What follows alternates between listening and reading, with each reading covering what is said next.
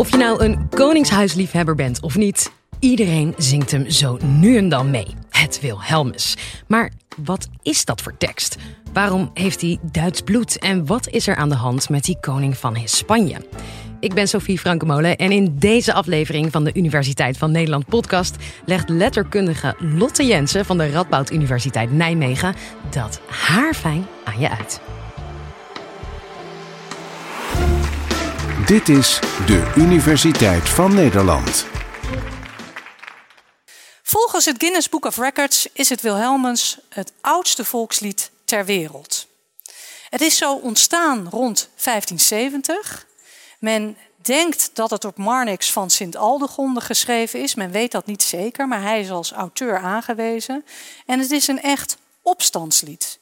Het is ontstaan in de strijd tegen de Spanjaarden. En het werd vooral door de geuzen, ruwe zeebonken, bonken, gezongen in hun strijd tegen de Spanjaarden. En natuurlijk een ode aan Willem van Oranje, de opstandsleider in die tijd. Wat zingen we nou precies? Wilhelmus van Oranje ben ik van Duitse bloed. Hé, hey, Duitse bloed? Dat kan ofwel zijn omdat hij uit Nassau-Dillenburg kwam in Duitsland, of Nederduits heeft men ook wel eens gezegd. Mijn vaderland getrouw blijf ik tot in de dood, dat snappen we meteen trouw aan het vaderland. Een prinsen van Oranje ben ik vrij onverveerd, dus zonder vrees, een prins van Oranje. De koning van Hispanje heb ik altijd geëerd. En dat is weer een lastige zin. Maar hoe zat het ook alweer?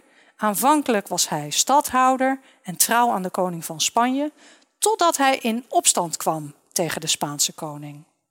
En in dat Wilhelmus zit ook buitengewoon veel godsvrucht. Velen kennen ook vaak het zesde couplet uit hun hoofd, waar het vooral over de godvruchtigheid gaat.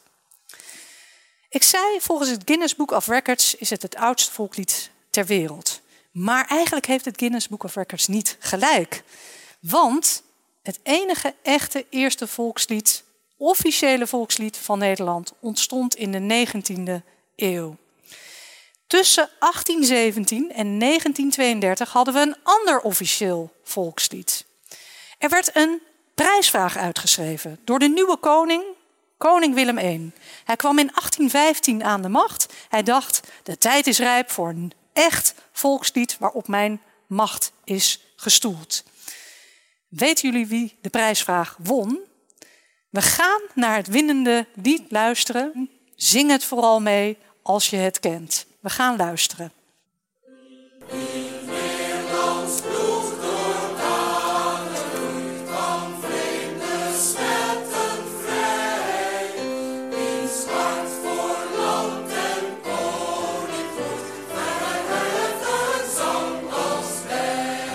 Wie van jullie raakt hiervan geëmotioneerd? Hmm, ik hoor vooral gelach. Een heel klein, één enkele aarzeling bij één iemand die waarschijnlijk een grote passie voor Tollens voelt. Want dat was de auteur van dit winnende lied, Hendrik Tollens, de dichter des vaderlands van de 19e eeuw. Hij ging met de eer strijken het eerste officiële echte volkslied van Nederland te hebben geschreven. Enig idee trouwens hoeveel inzendingen er waren bij die prijsvraag? Vijftien. Vijftien inzendingen. Tollens was de winnaar met Wien Nederlands bloed in de aderen vloeit.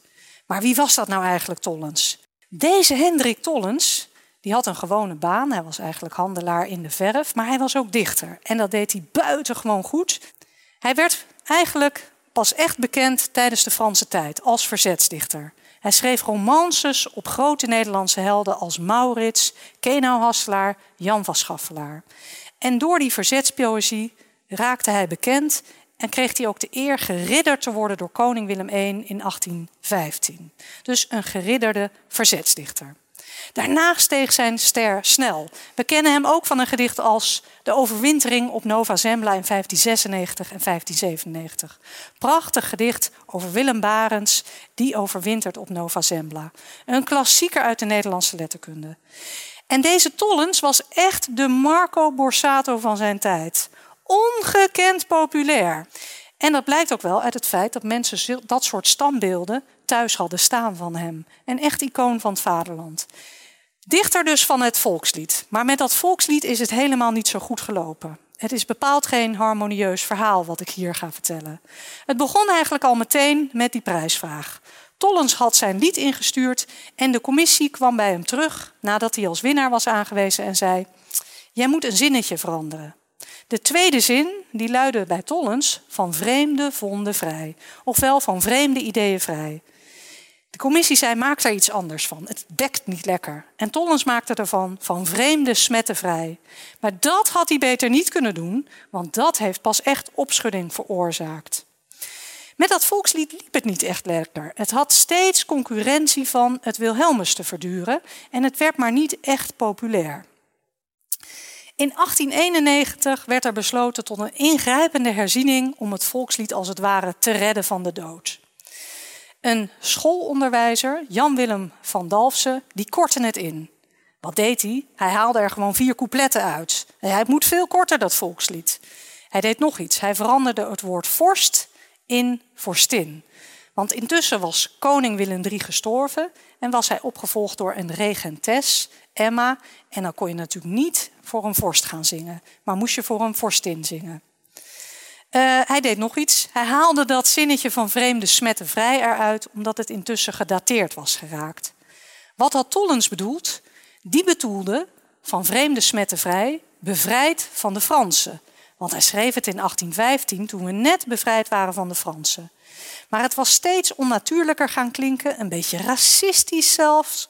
We hadden de koloniën gehad waar we ons van hadden ja, los moeten maken, of althans een kritische bezinning daarop. En dat zinnetje moest eruit en dat werd windhard klopt, vier en vrij. Dus aanpassingen. Maar het hielp allemaal niets. Want de nieuwe koningin Wilhelmina, die bleef het Wilhelmus spelen bij officiële gelegenheden. Ze moest eigenlijk niks hebben van die hele tollens. En het werd officieel afgeschaft als Nederlands volkslied in 1932. Exit Tollens. Maar daarna is het nog wel een paar keer fout gegaan met Tollens. Bijvoorbeeld bij een wedstrijd wielrennen WK op de baan in San Sebastián in Spanje.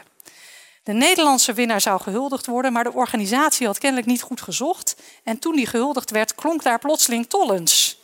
Foutje, sorry. Maar het was wel een heel pijnlijk foutje natuurlijk. Maar het geeft wel aan hoe lang die verwarring tussen twee volksliederen nog heeft doorgeduurd. Dan nog meer reuring in 2010. Er was een nieuwe dichter des vaderlands opgestaan en zijn naam was Ramzi Nasser.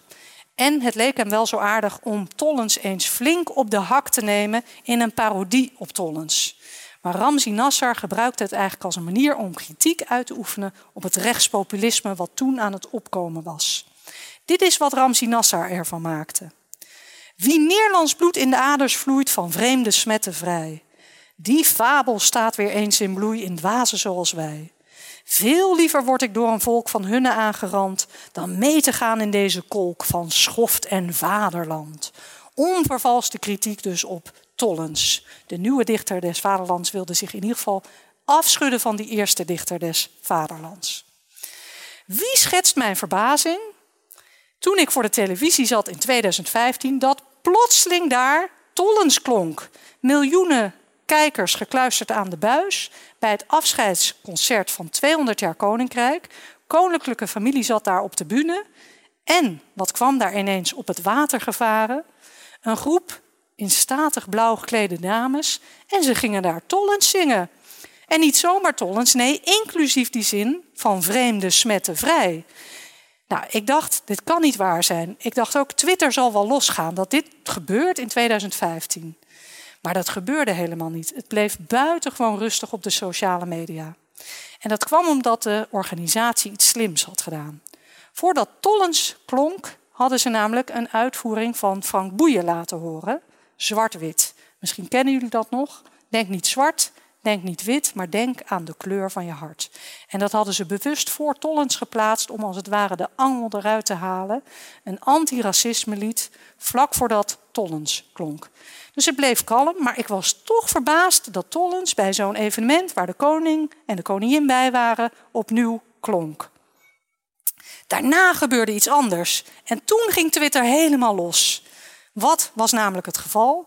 Jan Kwakman, gitarist van de 3 J's, mocht na Tollens een eigen interpretatie van het Wilhelmus geven. Nou, het waren afschuwelijke, snerpende klanken die uit zijn gitaar kwamen. En ik dacht, nee, dit kan niet, dit kan niet, dit is een verkrachting van het Wilhelmus. En je zag ook, de camera ging even naar Beatrix, gepijnigd gezicht. Zij vond het ook niet prettig klinken, deze versie van het Wilhelmus. En toen ging Twitter wel helemaal los. Want wat die gitarist daar had laten horen, het Wilhelmus zo laten klinken, dat kon echt niet. We zijn het misschien vergeten, maar we hebben nog een volkslied gehad, een derde volkslied. En dat is het Koningslied. Jawel. 2013, inauguratie van koning Willem-Alexander en Maxima.